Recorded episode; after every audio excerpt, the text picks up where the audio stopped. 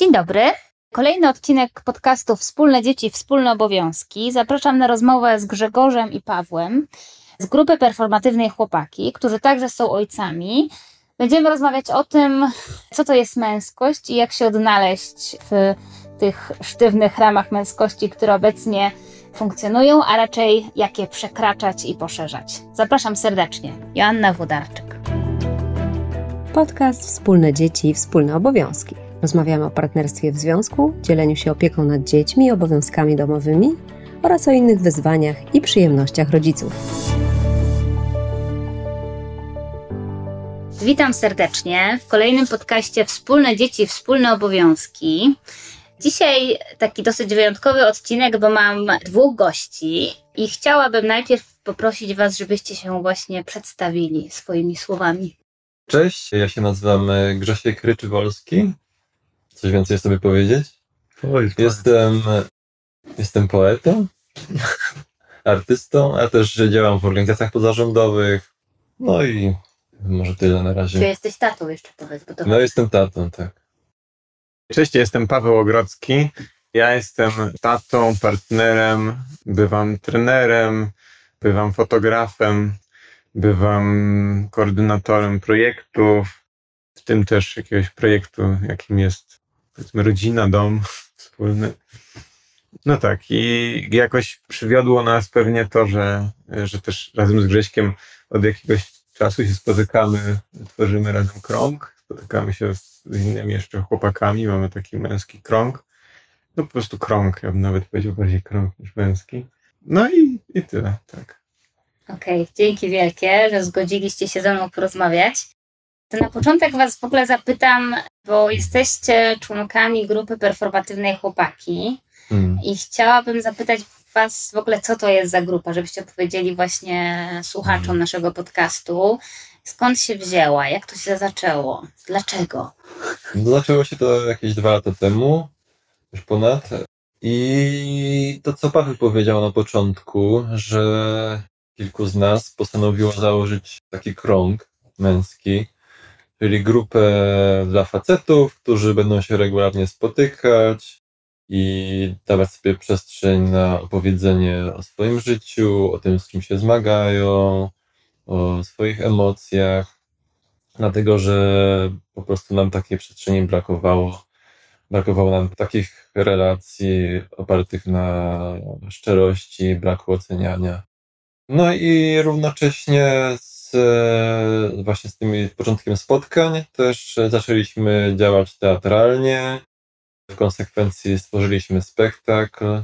No i też poszły za tym później inne działania aktywistyczne, ponieważ e, jak się już osadziliśmy w tym naszym kręgu e, i poczuliśmy, że to jest fajne, to chcieliśmy to po prostu poczuliśmy potrzebę, żeby się tym dalej dzielić i promować ideę takich kręgów. Dlatego też sami prowadzimy podcast Czuła Męskość, e, robimy otwarte kręgi i inne działania. Co byś dodał, Paweł? No właśnie o grupie to, to właściwie Grzesiek jakoś powiedziałeś dużo, więc mam poczucie, że właśnie to jest to. Jakoś mogę powiedzieć, że pamiętam, że zaczęło się to też od takiego po prostu wśród jakoś po prostu kilku znajomych osób, takiego ruchu, rozmowy, że jakoś, nie wiem, na przykład, że brakuje jakichś takich miejsc, przestrzeni, też rozmów, w ogóle dzielenia się jakoś doświadczeniem między jakoś mężczyznami, w sensie osobami, które dorastały, były socjalizowane jakoś jako mężczyźni. I Mm, No i że jakoś tak potrzebujemy, nie? Tego, więc jakoś tak to pamiętam mocno, że, że gdzieś ja miałem takie poczucie, na przykład kobiety dużo się jakoś, jest sporo takich przestrzeni w kulturze, że się dzielą, spotykają i tak dalej. Tak samo na przykład, no, zwłaszcza, czy powiedzmy, y, jakąś tam grupą są też właśnie na przykład matki, tak, że jakby się spotykają, wymieniają, a właśnie mężczyznom y, tego brakuje, więc jakoś z tym też tak pamiętam, że wchodziłem w to no i no i jakoś cieszę się, że nam się to udało zbudować między nami, ale też jakby, że to gdzieś y, możemy się tym trochę dalej dzielić, nie szerzej po prostu. Że to pączkuje dalej. Tak, że to, Mhm. mhm. A to w ogóle bardzo e, ciekawe, co mówicie, bo też e, pod koniec zeszłego roku robiliśmy jako Fundacja Share the Care takie badanie wśród rodziców i osób planujących rodzicielstwo, i to zarówno kobiet i mężczyzn. Osobno były te grupy Mhm. dla kobiet i mężczyzn. I tam faktycznie mężczyźni mówili o tym, że w ogóle to tak fajnie pogadać z innymi mężczyznami o rodzinie, o rodzicielstwie, o dzieciach i że nie ma takiej przestrzeni właśnie, że to jest coś, czego im brakuje, więc, y, więc też mi się wydaje, że coraz więcej mężczyzn odkrywa taką swoją potrzebę i też może właśnie to, co wy robicie, jest takim czymś, co można właśnie powtarzać i, i też właśnie robić w innych miejscach, więc e, myślę, że to bardzo ważne. W swoim opisie tej grupy opisujecie właśnie, że tak sprzeciwiacie się temu gorsetowi społeczno-kulturowych ról i stereotypów płciowych, czy właśnie związanych z męskością. Też tutaj, jak mówiłeś o tym kręgu, to też miałeś takie wątpliwości, czy nazywać go męskim, czy nie nazywać go męskim. Co, powiecie coś więcej na ten temat? Jak to jest właśnie z tym, z tą męskością? Jak tutaj, co was najbardziej uwiera na przykład wśród tych takich stereotypów? No mi zawsze było niekomfortowo e, w towarzystwie mężczyzn, wręcz e, czułem duży lęk i, napięcie, jakiś stres, e, dużo oczekiwań, kiedy byłem wśród, nie wiem, wśród kolegów, na przykład w szkole, czy, czy w ogóle jakichś innych mężczyzn. I co mi w tym najbardziej uwierało, chyba dużo jakiegoś takiego popisywania się, przechwalania się, mało przestrzeni na to, żeby jakoś być autentycznym, żeby też pokazywać, nie wiem, swoją słabość, żeby prosić o pomoc, mówić, że nie wiem, nie daje sobie z czymś rady. No, że jakoś tak zawsze czułem, że z tymi facetami to muszę pokazywać, że jestem taki silny i że daję radę i że to jestem taki fafarafa i no, i chyba, chyba to jakoś bardzo. I też e, jakoś ciężko było mi nawiązać e, jakąś szczerą e, relację z, z innymi facetami, bo, bo czułem, że oni też jakoś tak e, no, są jacyś poblokowani, czy w jakichś swoich takich twardych zbrojach, powiedzmy. Ciężko taką, taką zbroję emocjonalną skruszyć, nie? że wszyscy przed sobą bardzo jakoś em, no, pokazują jakiś swój obraz wymyślony i mało kiedy e, autentyczny. Mhm. No, to jakoś to, co mówisz, jest też mi jakoś bliskie, nie? Więc y, ja jakoś zawsze też miałem takie poczucie, że jakoś jestem sobą i faktycznie no, przy wielu kwestiach takich właśnie stereotypowo męskich się jakoś też nie odnajdowałem, a z drugiej strony też jakoś miałem takie poczucie gdzieś w sobie takiego, że, że no, bycia mężczyzną, tak? Więc to jakoś takie było też, y, też miałem takie poczucie i przez całe życie właściwie od, od, od jakoś tego dzieciństwa, że w takich ścieżkach, tych takich, które są jasno wytyczone, że tak powiem, no to jakby to nie wystarcza mi, to nie jestem cały ja, to nie mogę być, nie mogę się tutaj do końca zmieścić, nie pasuje mi Mhm. to, nie wiem, ja na przykład bardzo jakoś nie lubię w ogóle rywalizacji, w sensie to jest taka rzecz, która jest mi dosyć taka obca, no do jakiegoś tam stopnia zawsze czasem jest fajnie, tak, w jakiejś zabawie, ale jakby tak mocno postawiona rywalizacja, która też jest mocno na przykład w naszej kulturze, nie? Mhm. No, to, to jest coś takiego, co mnie po prostu, ja się w tym nie, nie czuję dobrze zupełnie, nie? No więc na przykład w tej męskości takiej stereotypowej ta rywalizacja często jest mocno jakoś taka obecna, nie? Mhm. Rozumiem. A czy coś jest w tej takich właśnie cechach stereotypowo męskich, czy uznawanych za męskie, co, co jest dla Was ważne i co właśnie sobie zostawiacie?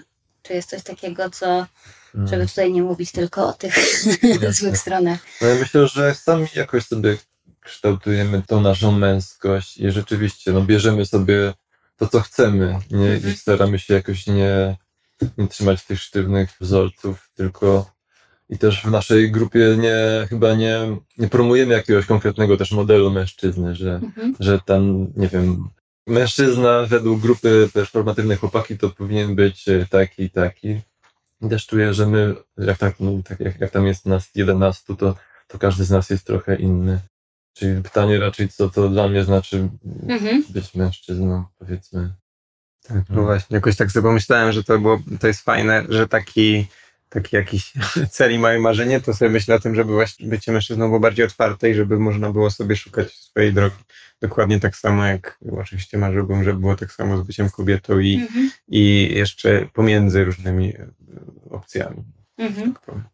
Mhm. Rozumiem. Tak, no chyba to jest kwestia indywidualna. Ym, Myślę, że jeżeli, nie wiem, fajnie, że, żeby ktoś mógł, e, nie wiem, być, nie wiem, stanowczy i przebojowy, jeśli taki jest, ale też, żeby mógł e, być, nie wiem, czuły i troskliwy, jeśli w sobie to ma.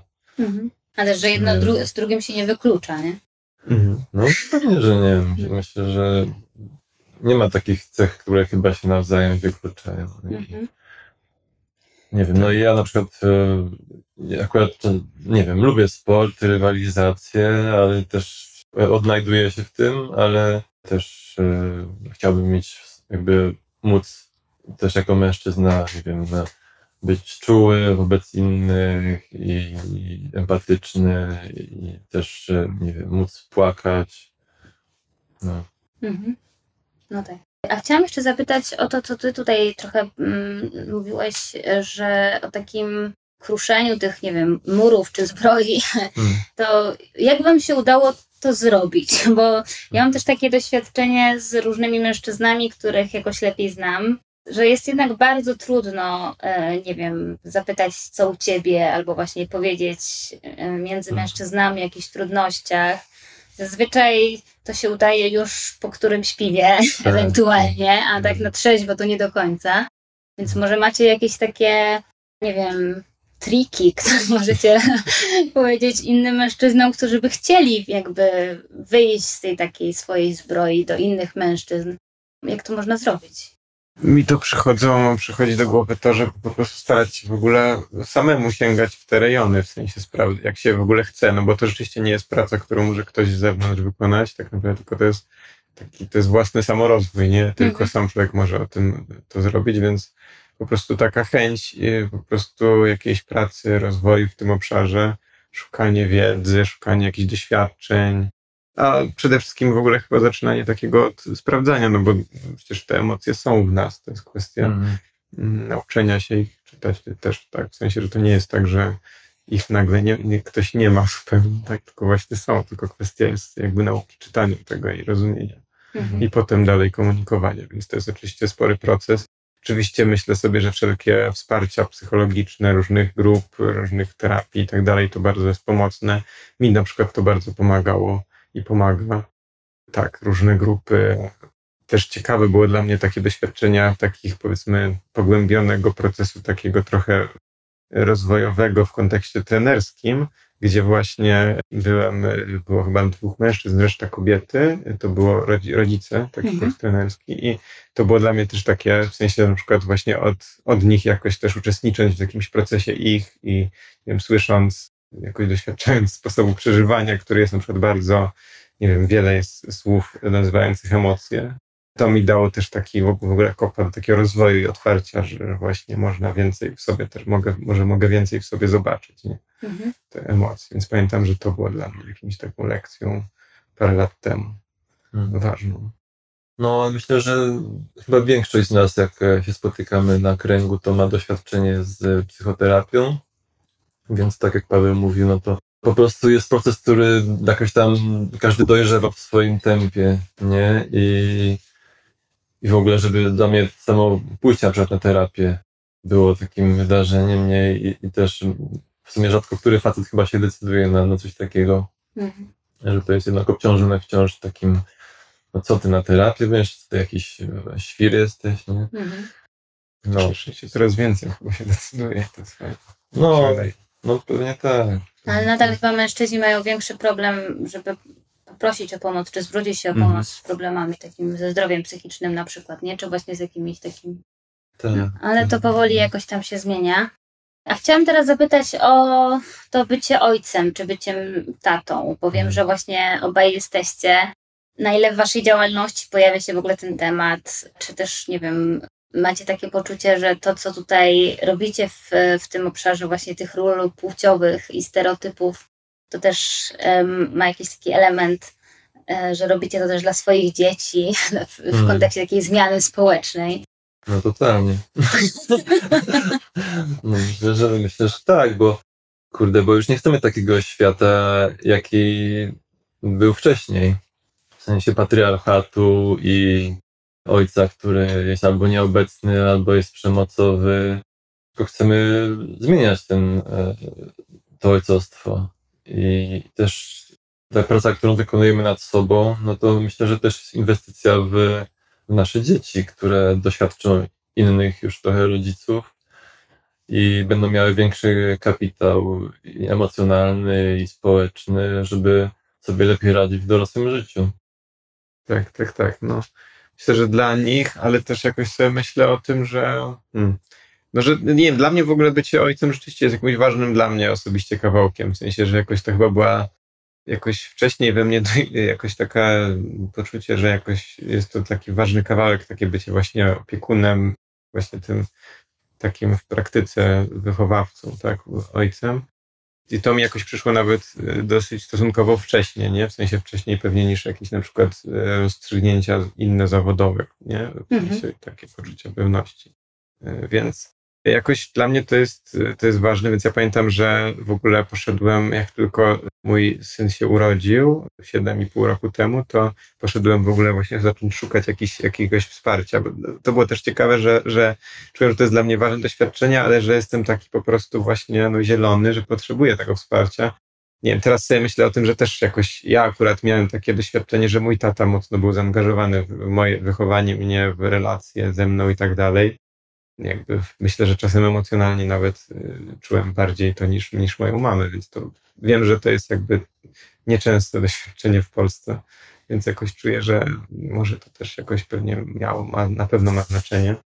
No więc, więc to jest jakoś dla mnie ważne w ogóle i tak czuję, że jakoś realizowanie się w, w tym, w tej relacji y, właśnie bycia tatą dla mojej, dla Daniela i Weroniki, które są moimi dziećmi, jest jakoś dla mnie mega ważne że to dla mnie jedna z najważniejszych relacji, jakie mam w życiu, nie?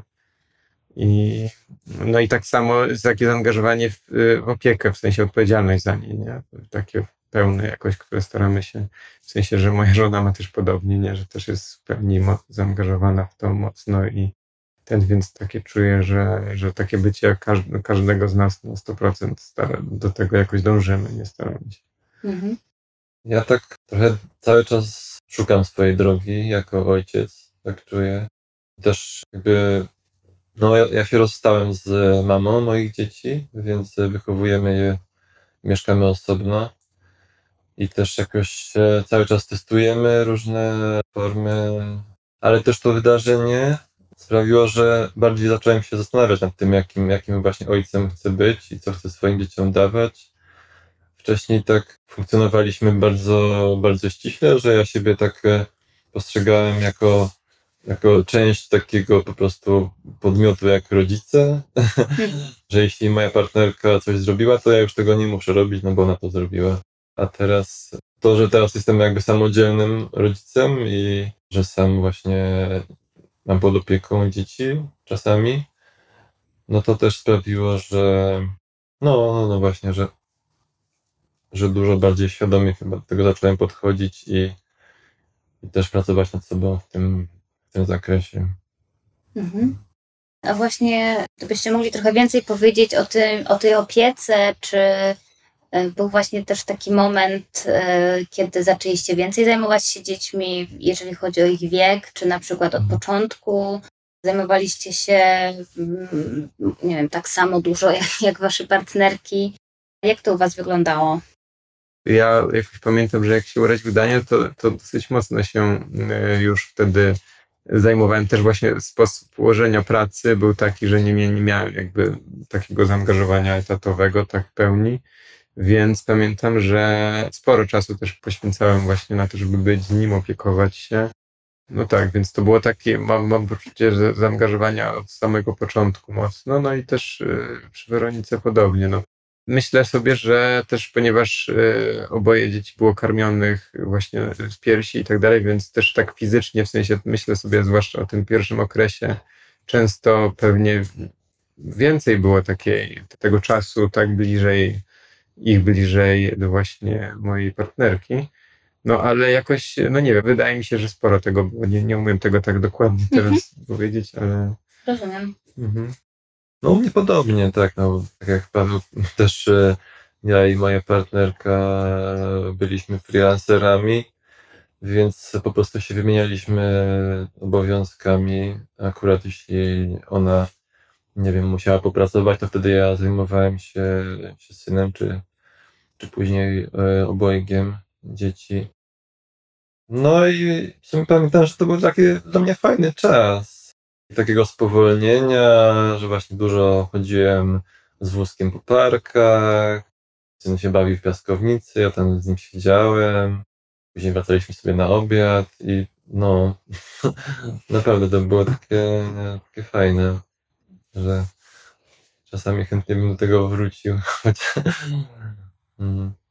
Mhm. No właśnie, a gdybyście mogli trochę więcej opowiedzieć o jakichś takich swoich wspomnieniach z tego czasu spędzonego z dziećmi, kiedy właśnie dzieci były w domu, bo pewnie teraz już są starsze i, i już bardziej tak właśnie placówki, rówieśnicy Mhm. i te sprawy.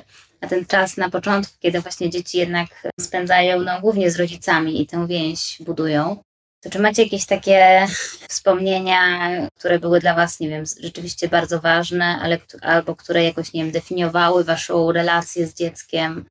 Was zaskoczyło coś? Nie wiem, no my sporo podróżowaliśmy z dziećmi. Jak Roch, mój syn miał półtora roku, to w ogóle pojechaliśmy na trzy miesiące do Meksyku.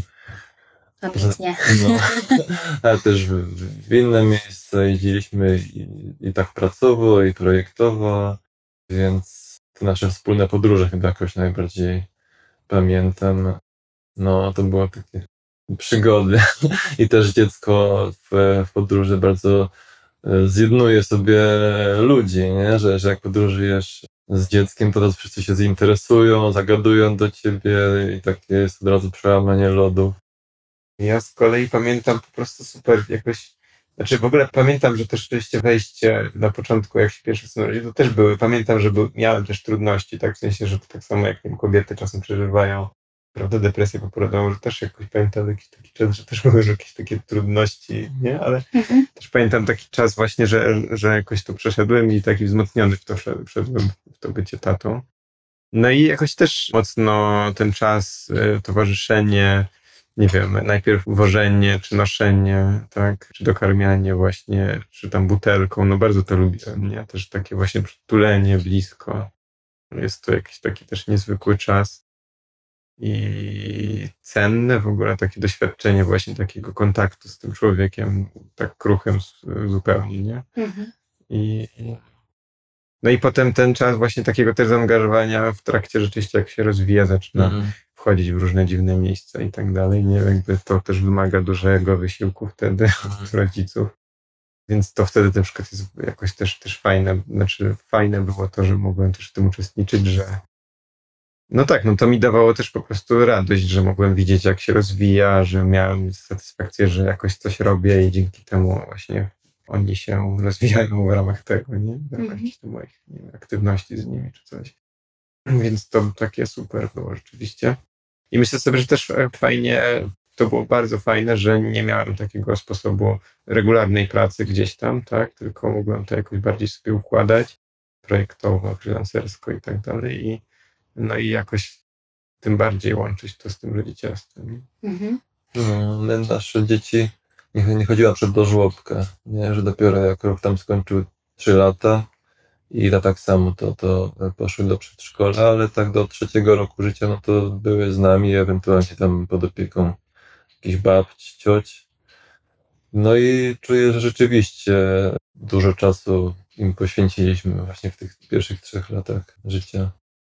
Fajnie. A ja teraz też tak pomyślałem sobie z kolei, y, przypominam ten okres, to też pamiętam, że, że wioska w ogóle jest mega istotna, bo mimo wszystko y, bez wsparcia, zwłaszcza dziadków, no to by, też byśmy nie dali rady. W sensie, że był taki czas, że regularnie y, też y, po Mm. kilka godzin dziennie oni tam spędzali u nich, więc też to było ważne, nie? Mhm.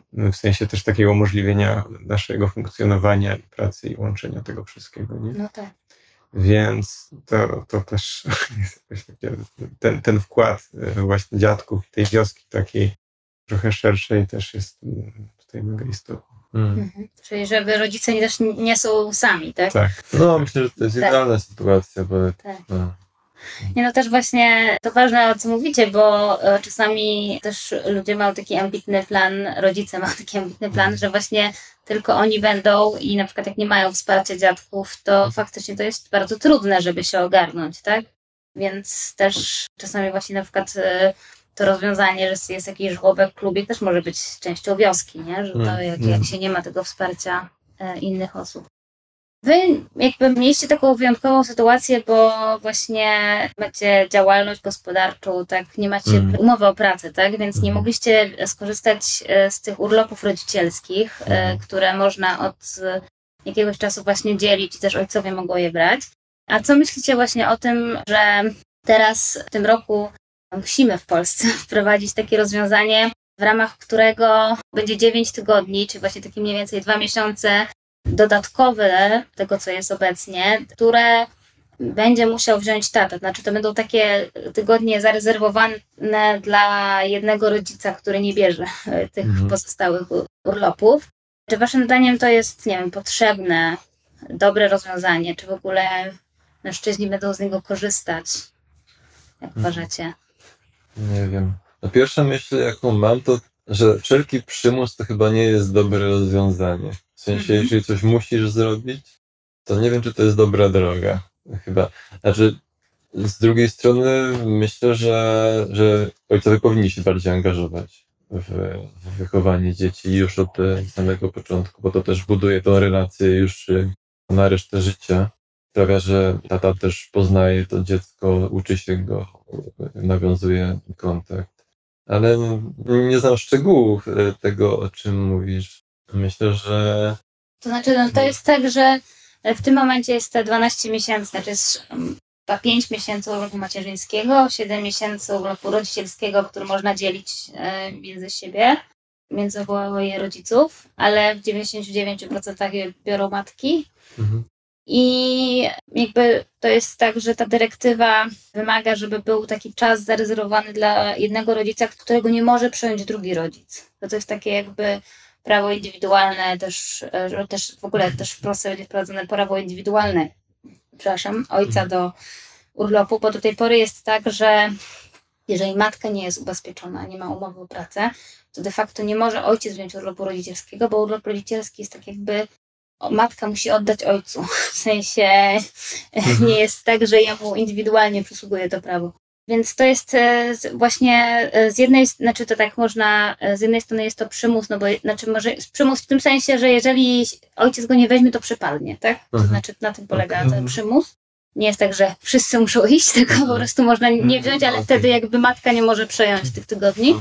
Ale też z drugiej strony to jest takie trochę uznanie jednak prawa ojca do urlopu też, nie? W Tak. sensie indywidualne, że to właśnie tak trochę jak ty mówiłeś, to nie jest, podmiotem nie jest, są rodzice, tylko Mhm. że każdy z rodziców ma prawo do tego, żeby spędzić czas ze swoim dzieckiem. No, to brzmi dobrze jakoś, ja myślę sobie o tym. No i też jakby rzeczywistość jest taka, jakby też ona jest związana z systemem, prawda, gdzie kwestia jakby ile zarabiają osoby, prawda, ma znaczenie i to w, w praktyce ma wpływ często na te decyzje, jak się, jak się dzielą, nie?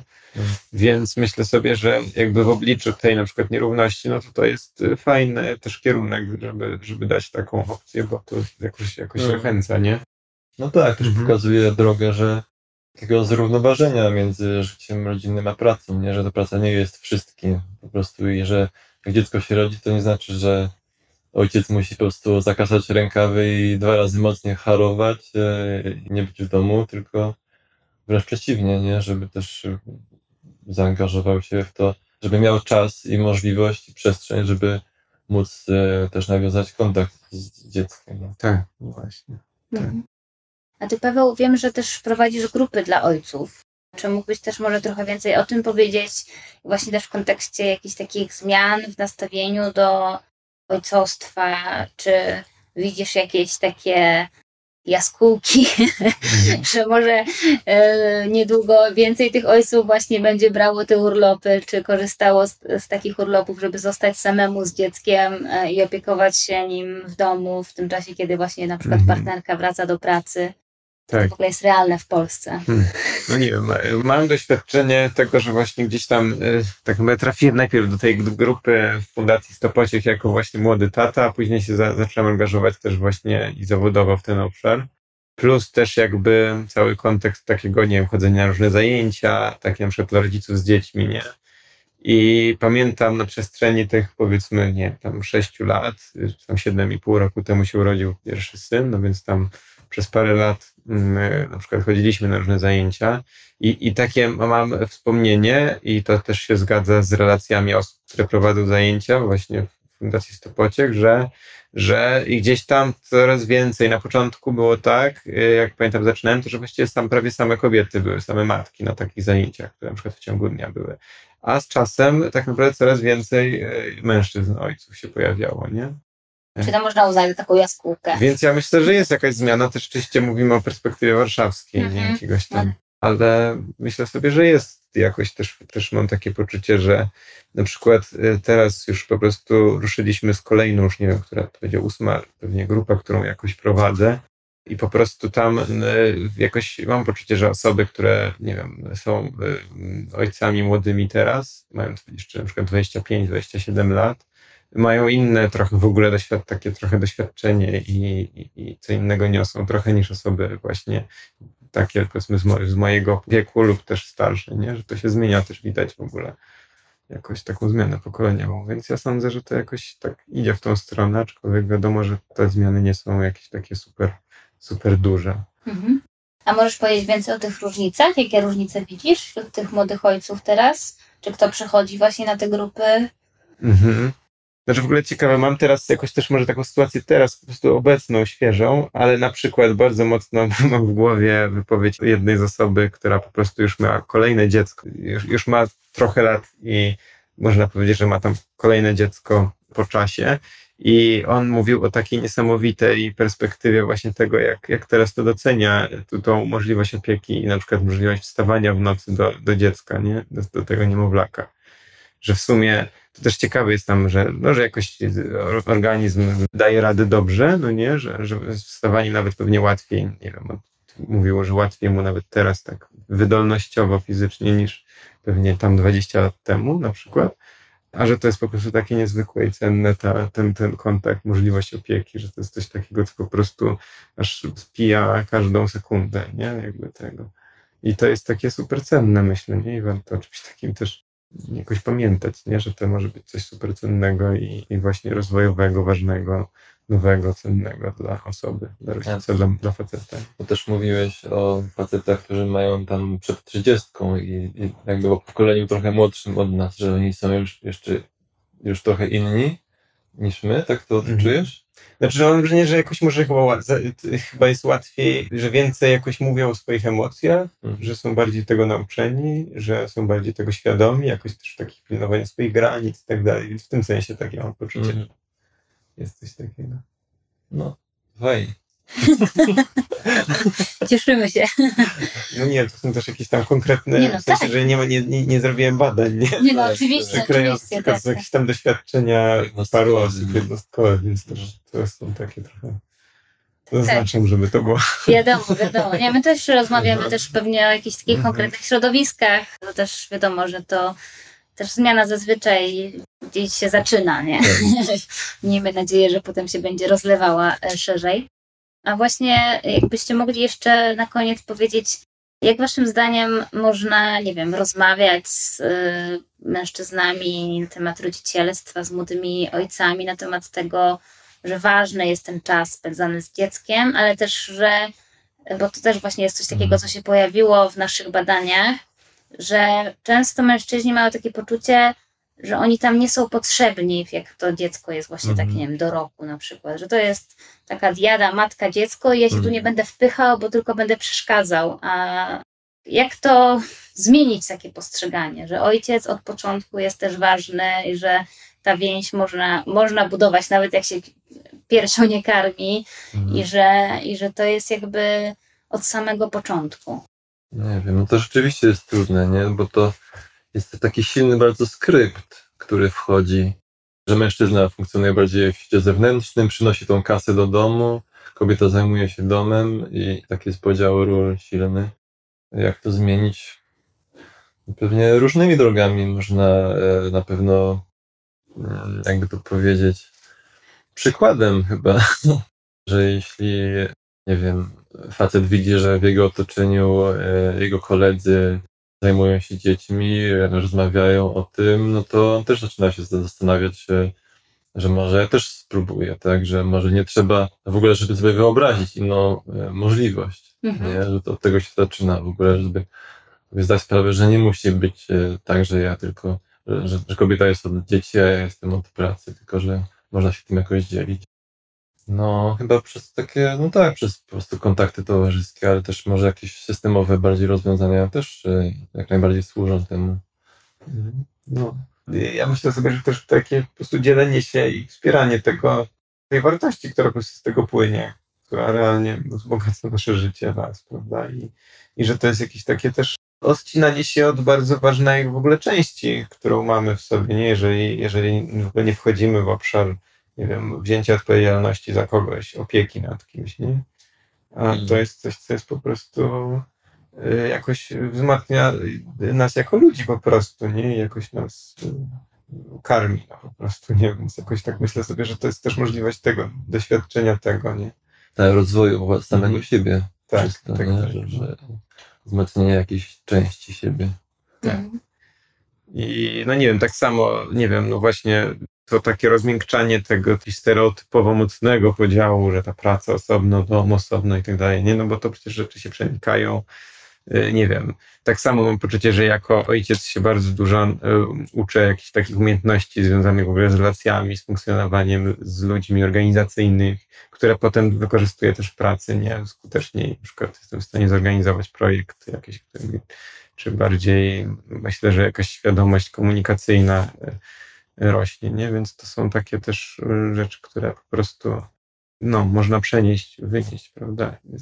No ciekawe, czy ten, jakby sobie wpisał w CV, że jesteś ojcem, No. to czy to jakoś zapunktuje, nie? Że, czy pracodawcy na przykład by uznawali kompetencje, które uzyskałeś jako ojciec, jako kompetencje przydatne w pracy. No, Mhm. też myślę, że trochę się o tym mówi, no zwłaszcza oczywiście w potrzebnym kontekście, czyli kobiet, no bo Mhm. często jest tak, że jest dużo kobiet, które wracają na rynek pracy i że właśnie docenianie tego całego niesamowitego morza umiejętności doświadczenia wyniesionego z tego. Mhm. No to kolejnym krokiem teraz powinno być, że mężczyźni też właśnie będą mówić o tym, czego się nauczyli podczas właśnie No. takiego czasu z dzieckiem, czy właśnie bycia w domu i, i opiekowanie się i zarządzanie domem też przy okazji. No dobrze, dziękuję Wam bardzo za tę rozmowę. Nie wiem, czy to coś jeszcze chcielibyście dodać. Nie, w tej chwili już nic nie przychodzi do głowy. Ja pomyślałem, że mógłbym, bo jakoś momentami się wstrzymywałem, bo nie chciałem opowiadać o tych grupach ojców, w sensie podczas naszej rozmowy o y, grupie, żeby to się tak nie, nie nakładało, ale jakoś takie, więc to, to, to jakoś czym jestem, no to właśnie taka myśl, nie wiem, i może, może chciałbym cię też prosić, żebyś tam dał jakiś link do, do tych grup, Mhm. w sensie, żeby też zachęcać mężczyzn do tego, żeby ojców, żeby, żeby się po prostu szukali y, takich miejsc wsparcia, rozmowy między sobą, bo też mam poczucie, że tak dokładnie to sprzyja temu, żeby, nie wiem, jakoś rozwijać się i jakoś też w taką stronę właśnie lepszego znalezienia się jako ojciec, lepszego znalezienia jakoś swoich, swoich dróg, nie? I też jakiegoś też pewnie zaangażowania i dzielenia tej opieki. Mhm, jak najbardziej. Też będziemy wrzucać, te, bo też e, promujemy takie miejsca, bo właśnie to jest coś takiego, co mnie mocno uderzyło e, w tych badaniach, o których Wam mówiłam, że to, bo to wyszło tak trochę przypadkiem, no bo my głównie rozmawialiśmy o tych urlopach rodzicielskich, ale faktycznie to było tak, że pod koniec tych rozmów właśnie mężczyźni tak mówili, kurczę, ale to fajnie, jak usłyszeć od innego faceta, jak to jest, jak jest się ma dziecko, nie? Że to nie jest od jakiejś innej kobiety, tylko właśnie od faceta, że co to znaczy mieć dziecko i że to rzeczywiście jest taka potrzeba. Więc na pewno zapraszamy wszystkich mężczyzn, młodych tatów, żeby szukali takich możliwości, a jeżeli nie, no to sami się organizowali w kręgi. No dokładnie. No, jeśli jesteście ciekawi e, chcielibyście dowiedzieć się więcej o okręgach, to też zapraszamy na profil nasz, e, grupa performatywna Chłopaki. Chętnie doradzimy, jak taki krąg założyć, jak go prowadzić w waszym mieście, miejscowości, gdziekolwiek jesteście. Służymy pomocą. Super. Dzięki wielkie za rozmowę. Dzięki. Dzięki.